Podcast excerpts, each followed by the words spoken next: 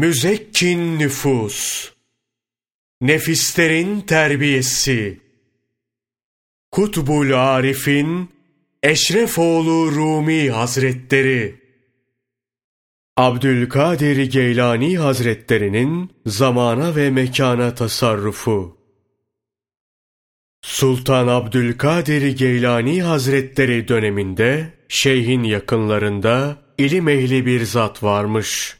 Onun sultanlığını inkar eder, kapısında dahi kendisini kötülermiş. Bu zat bir cuma günü şeyhin kapısına gelip oturur. Maksadı şeyh hazretleriyle sohbet etmek, aklı sıra ona sataşmakmış. Çok geçmeden Abdülkadir Geylani Hazretleri Kuddise sırruhu mescide gelir. Birçok aziz ve derviş de orada hazır bekliyormuş. İlim ehli zat hemen söze girip sorar. Ey şeyh! Mürşid olanlar zamanı kendilerine tabi kılarlarmış. Yıllarca yapılması mümkün olmayan şeyleri bir anda yaptırırlarmış. Bu doğru mu? Şeyh Abdülkadir Geylani Hazretleri Kuddise sırruhu şöyle cevap verir. Hak Teâlâ dervişlere öyle bir kuvvet vermiş ki 10-15 yılda olacak olanı onlar kısa zamanda kolaylıkla yapar. Münkir olan bu zat itiraz eder. Zamanı dondurup kendinize tabi etmeniz konusuna aklım yatmıyor. 10-15 yılda olacak olan iş bir saat veya günde nasıl yapılır?'' Bunu ancak Hak Teâlâ yapabilir. Abdülkadir Geylani Hazretleri Kuddise sırruhu şöyle cevap verir. Hak Teâlâ'nın tasarruf verdiği öyle kulları var ki onlar dilediğinde bunu yapabilir. Hiçbir şey buna engel olamaz. Bu sırada cuma namazının vakti girer. Abdülkadir Geylani Hazretleri Kuddise sırruhu namaz için seccadesini çıkarır. Abdülkadir Geylani Hazretlerinin işaretiyle bu seccade münkir zatın eline verilir. Bu seccadeyi lütfen siz götürün derler. Bu zat seccadeyi omzuna atar, mescide yönelir. Yolunun üzerindeki bir şadırvanda abdest almak ister. Seccadeyi bir ağaca asar, kendisi de abdest almaya koyulur.'' Ellerini suya uzattığında kendini bir pazar yerinde kilit anahtar işi yapan bir çilingir dükkanının önünde bulur. Bir müddet dükkandaki ustayı seyreder. Ustanın yaptığı iş hoşuna gider. Sanatına imrenip yanına varır. Usta, bana bu sanatı öğretir misin der. Çilingir bakar, sen ilim ehline benziyorsun. Bu sanatı öğrenip ne yapacaksın diye sorar. Sanatla meşgul olmak iyidir. Helalinden kazanmış olur, böylelikle ilmimle amel ederim der adam. Dört bir taraftan dükkan komşuları gelir. Adamı çilingirin çırağı yapıverirler. Adam orada dört yıl hizmet verir. Bu sanatın bütün inceliklerini öğrenmek için dört yıl daha çalışır. İkinci dört yılın sonlarına doğru ustası ölür. Ustası ölünce onun dul karısıyla evlenmek zorunda kalır. Bu evlilikten iki evladı olur. Çocuklardan birini okutmak üzere öğretmene teslim eder. Günlerden bir gün sabah dükkana gelip demiri ocağa bırakır. Elindeki çubuğu ateşte oynatırken bir anda kendini abdest aldığı şadırvanda bulur. Şeyhin seccadesi bıraktığı yerde öylece duruyormuş hayret içinde kalır. Öylece abdestini tamamlar. Şeyhin mescidin kapısından girdiğini görünce koşar. Ondan önce içeri girip seccadesini serer. Kendisi de bir iki adım geride durur. Şeyh onu yanına çeker. Birlikte tahiyyetül mescit namazını kılarlar. Şeyh Abdülkadir Geylani Hazretleri nasıl hala inkarda mısın? Aklın yattı mı şimdi der. Adam anlatmaya koyulur. Sultanım, sizden ayrılıp abdest almak istedim. Elimi suya vurduğumda kendimi bir pazar yerinde buldum. Bir çilingir dükkanının önünde. Bu sanata imrendim. Dört yıl bu ustaya hizmet edip sanatı öğrendim.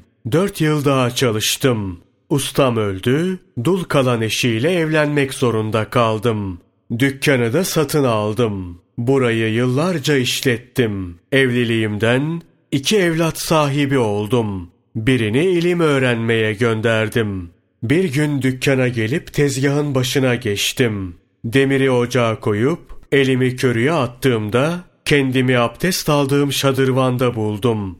Ağaca astığım seccade yerinde duruyordu. Abdesti bitirdim. Siz daha mescidin kapısına yeni varmıştınız. Yetişip seccadenizi serdim. Bilmiyorum. Bu nasıl bir haldir anlayamadım. Hayal miydi, rüya mı?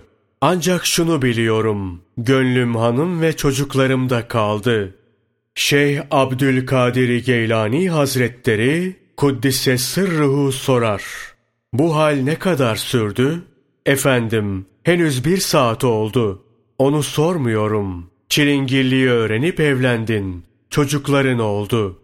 Bütün bunlar ne kadar zaman aldı? On yıldan fazla. Peki, şimdi bu mesleği icra edebilir misin? Yaparım efendim. Bakın, ellerimde mesleğin izleri var. Demek ki, gördüğün ne hayaldir, ne de rüya. Bütün bunları hakikaten yaşamışsın.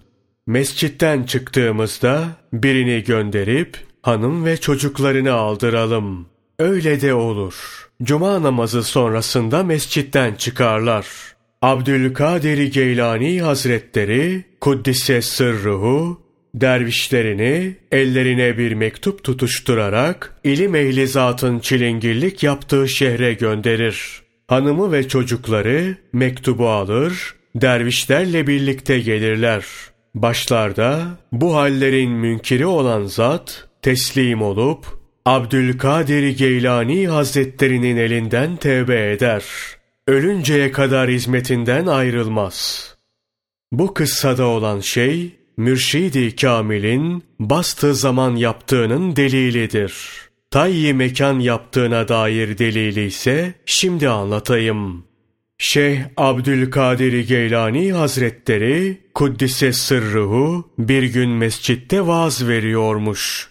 Mescit dolu, çok kalabalık. Ön saftakilerin dışarı çıkması mümkün değilmiş gibi. Durum böyleyken minberin dibinde oturan dervişlerden birinin abdest ihtiyacı doğar. Dışarı çıkması zor görününce şeyhinin yüzüne bakar. Dervişin hali malum olur. Şeyh bir oturup kalkma süresi kadar minberden kaybolur gibi olur. Bu çok kısa anda şeyh dervişi kolundan tutup sahraya götürmüştür. Derviş kava bir ağacın dibinden akan bir pınar görür. İhtiyacını giderip abdestini alır, iki rekat namaz kılar. Şeyhinin sohbetine katılmak üzere mescide gitmek ister. Az yürüyünce buraların hiç de bilmediği yerler olduğunu anlar. İleriden birinin geldiğini görür. Gelenin yanına varıp yol sorar. Adam nerelisin der. Derviş, Bağdatlıyım. Sultan Abdülkadir Geylani Hazretlerinin dervişlerindenim diye cevap verir. Adam dervişe, burasıyla Bağdat'ın arası hızlı bir atın yürüyüşüyle iki yıllık mesafedir der.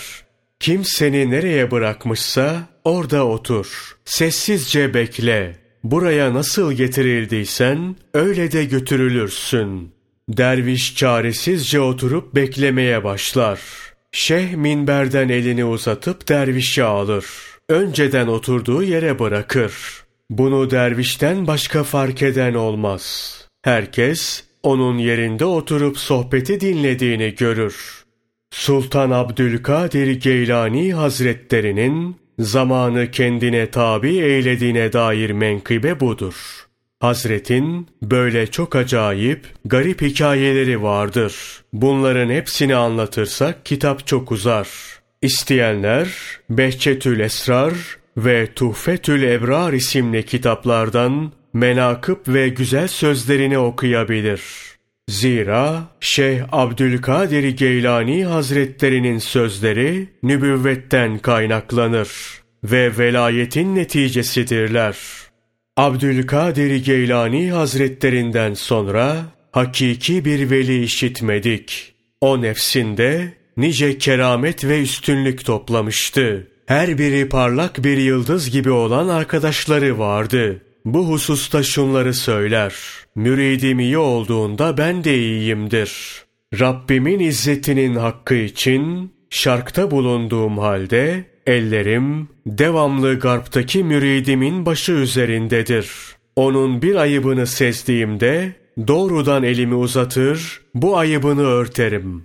Rabbimin izzeti için kıyamet gününde müritlerimin hepsi geçinceye kadar cehennemin kapısında duracağım. Hak Teâlâ müritlerimden hiçbirini ateşe atmayacağına dair söz verdi. Hiçbir müridimin korkmaması için kabirde münker ve nekir meleklerini tutarım.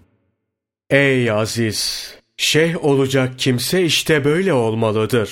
Bu zamanda Abdülkadir Geylani Hazretleri gibi şeyhi nerede buluruz diyebilirsin. Doğru, bu zamanda onun gibi sultan bulunmaz. Yine de nesilleri kesilmiş değil.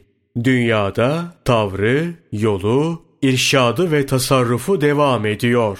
Anadolu'da, İran'da, Suriye'de, Arap ülkelerinde, Hindistan'da ve Çin'de halifeleri bulunmaktadır. Halifelerinin her biri dostlarıyla birlikte onun destur ve icazetiyle tarikatini yaşatıyor. Sultanın taliplerini o hayattaymış gibi buluşturuyorlar. Halifelerinin her biri mürşidi kamildir. Gün doğumundan gün batımına kadar irşatları yetişiyor. Yeter ki bir mürit sıdk ile onlara yönelsin. Onların tasarrufu derhal yetişir. Hatta denizlerin dibinde dahi olsa onlar bulurlar. Zira uzaklık yakınlık halka göredir. Mürşidi kamil için uzak yakın, doğu ve batı avuç içi gibidir. Nerede olursa olsun mürşidi kamil müridine tasarruf eder. Onu daraltıp genişletebilir. Bu ellerindedir. Müridin halkası mürşidin elindedir. Allah'ın izniyle uzaklık söz konusu olmaz. Şeyh Safi, irşat tahtına oturduğunda irşadının sesi alemi doldurur. Azizlerden biri gelip Şeyh Safi Hazretlerine inat olsun diye şöyle der.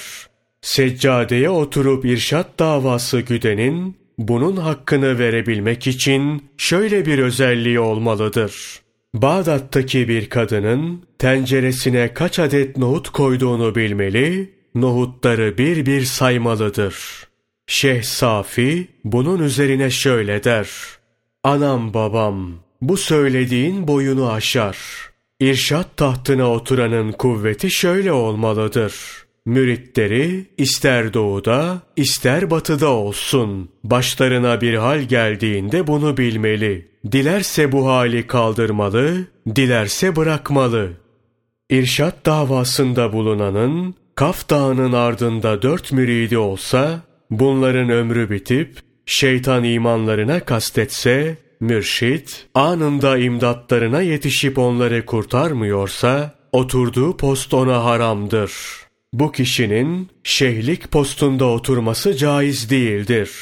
Kıyamet günü hakkın huzurunda yüzü kararıp utananlardan olur. Ey aziz! Şeyhlik sultanlık makamıdır. Külhanilik ve kabadayılıkla sultanlık iddia edilemez.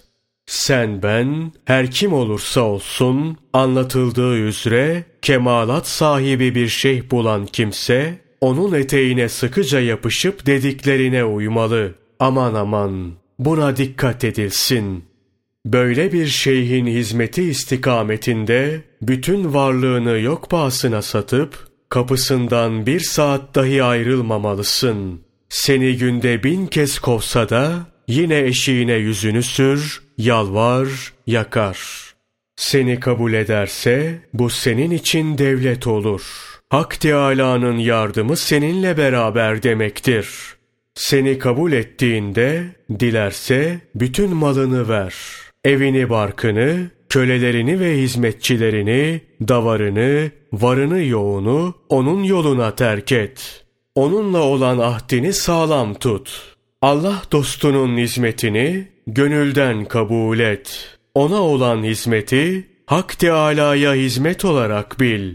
Zira seni Hakk'a ulaştıracak, benlikten kurtarıp gözlerindeki perdeyi kaldıracak odur.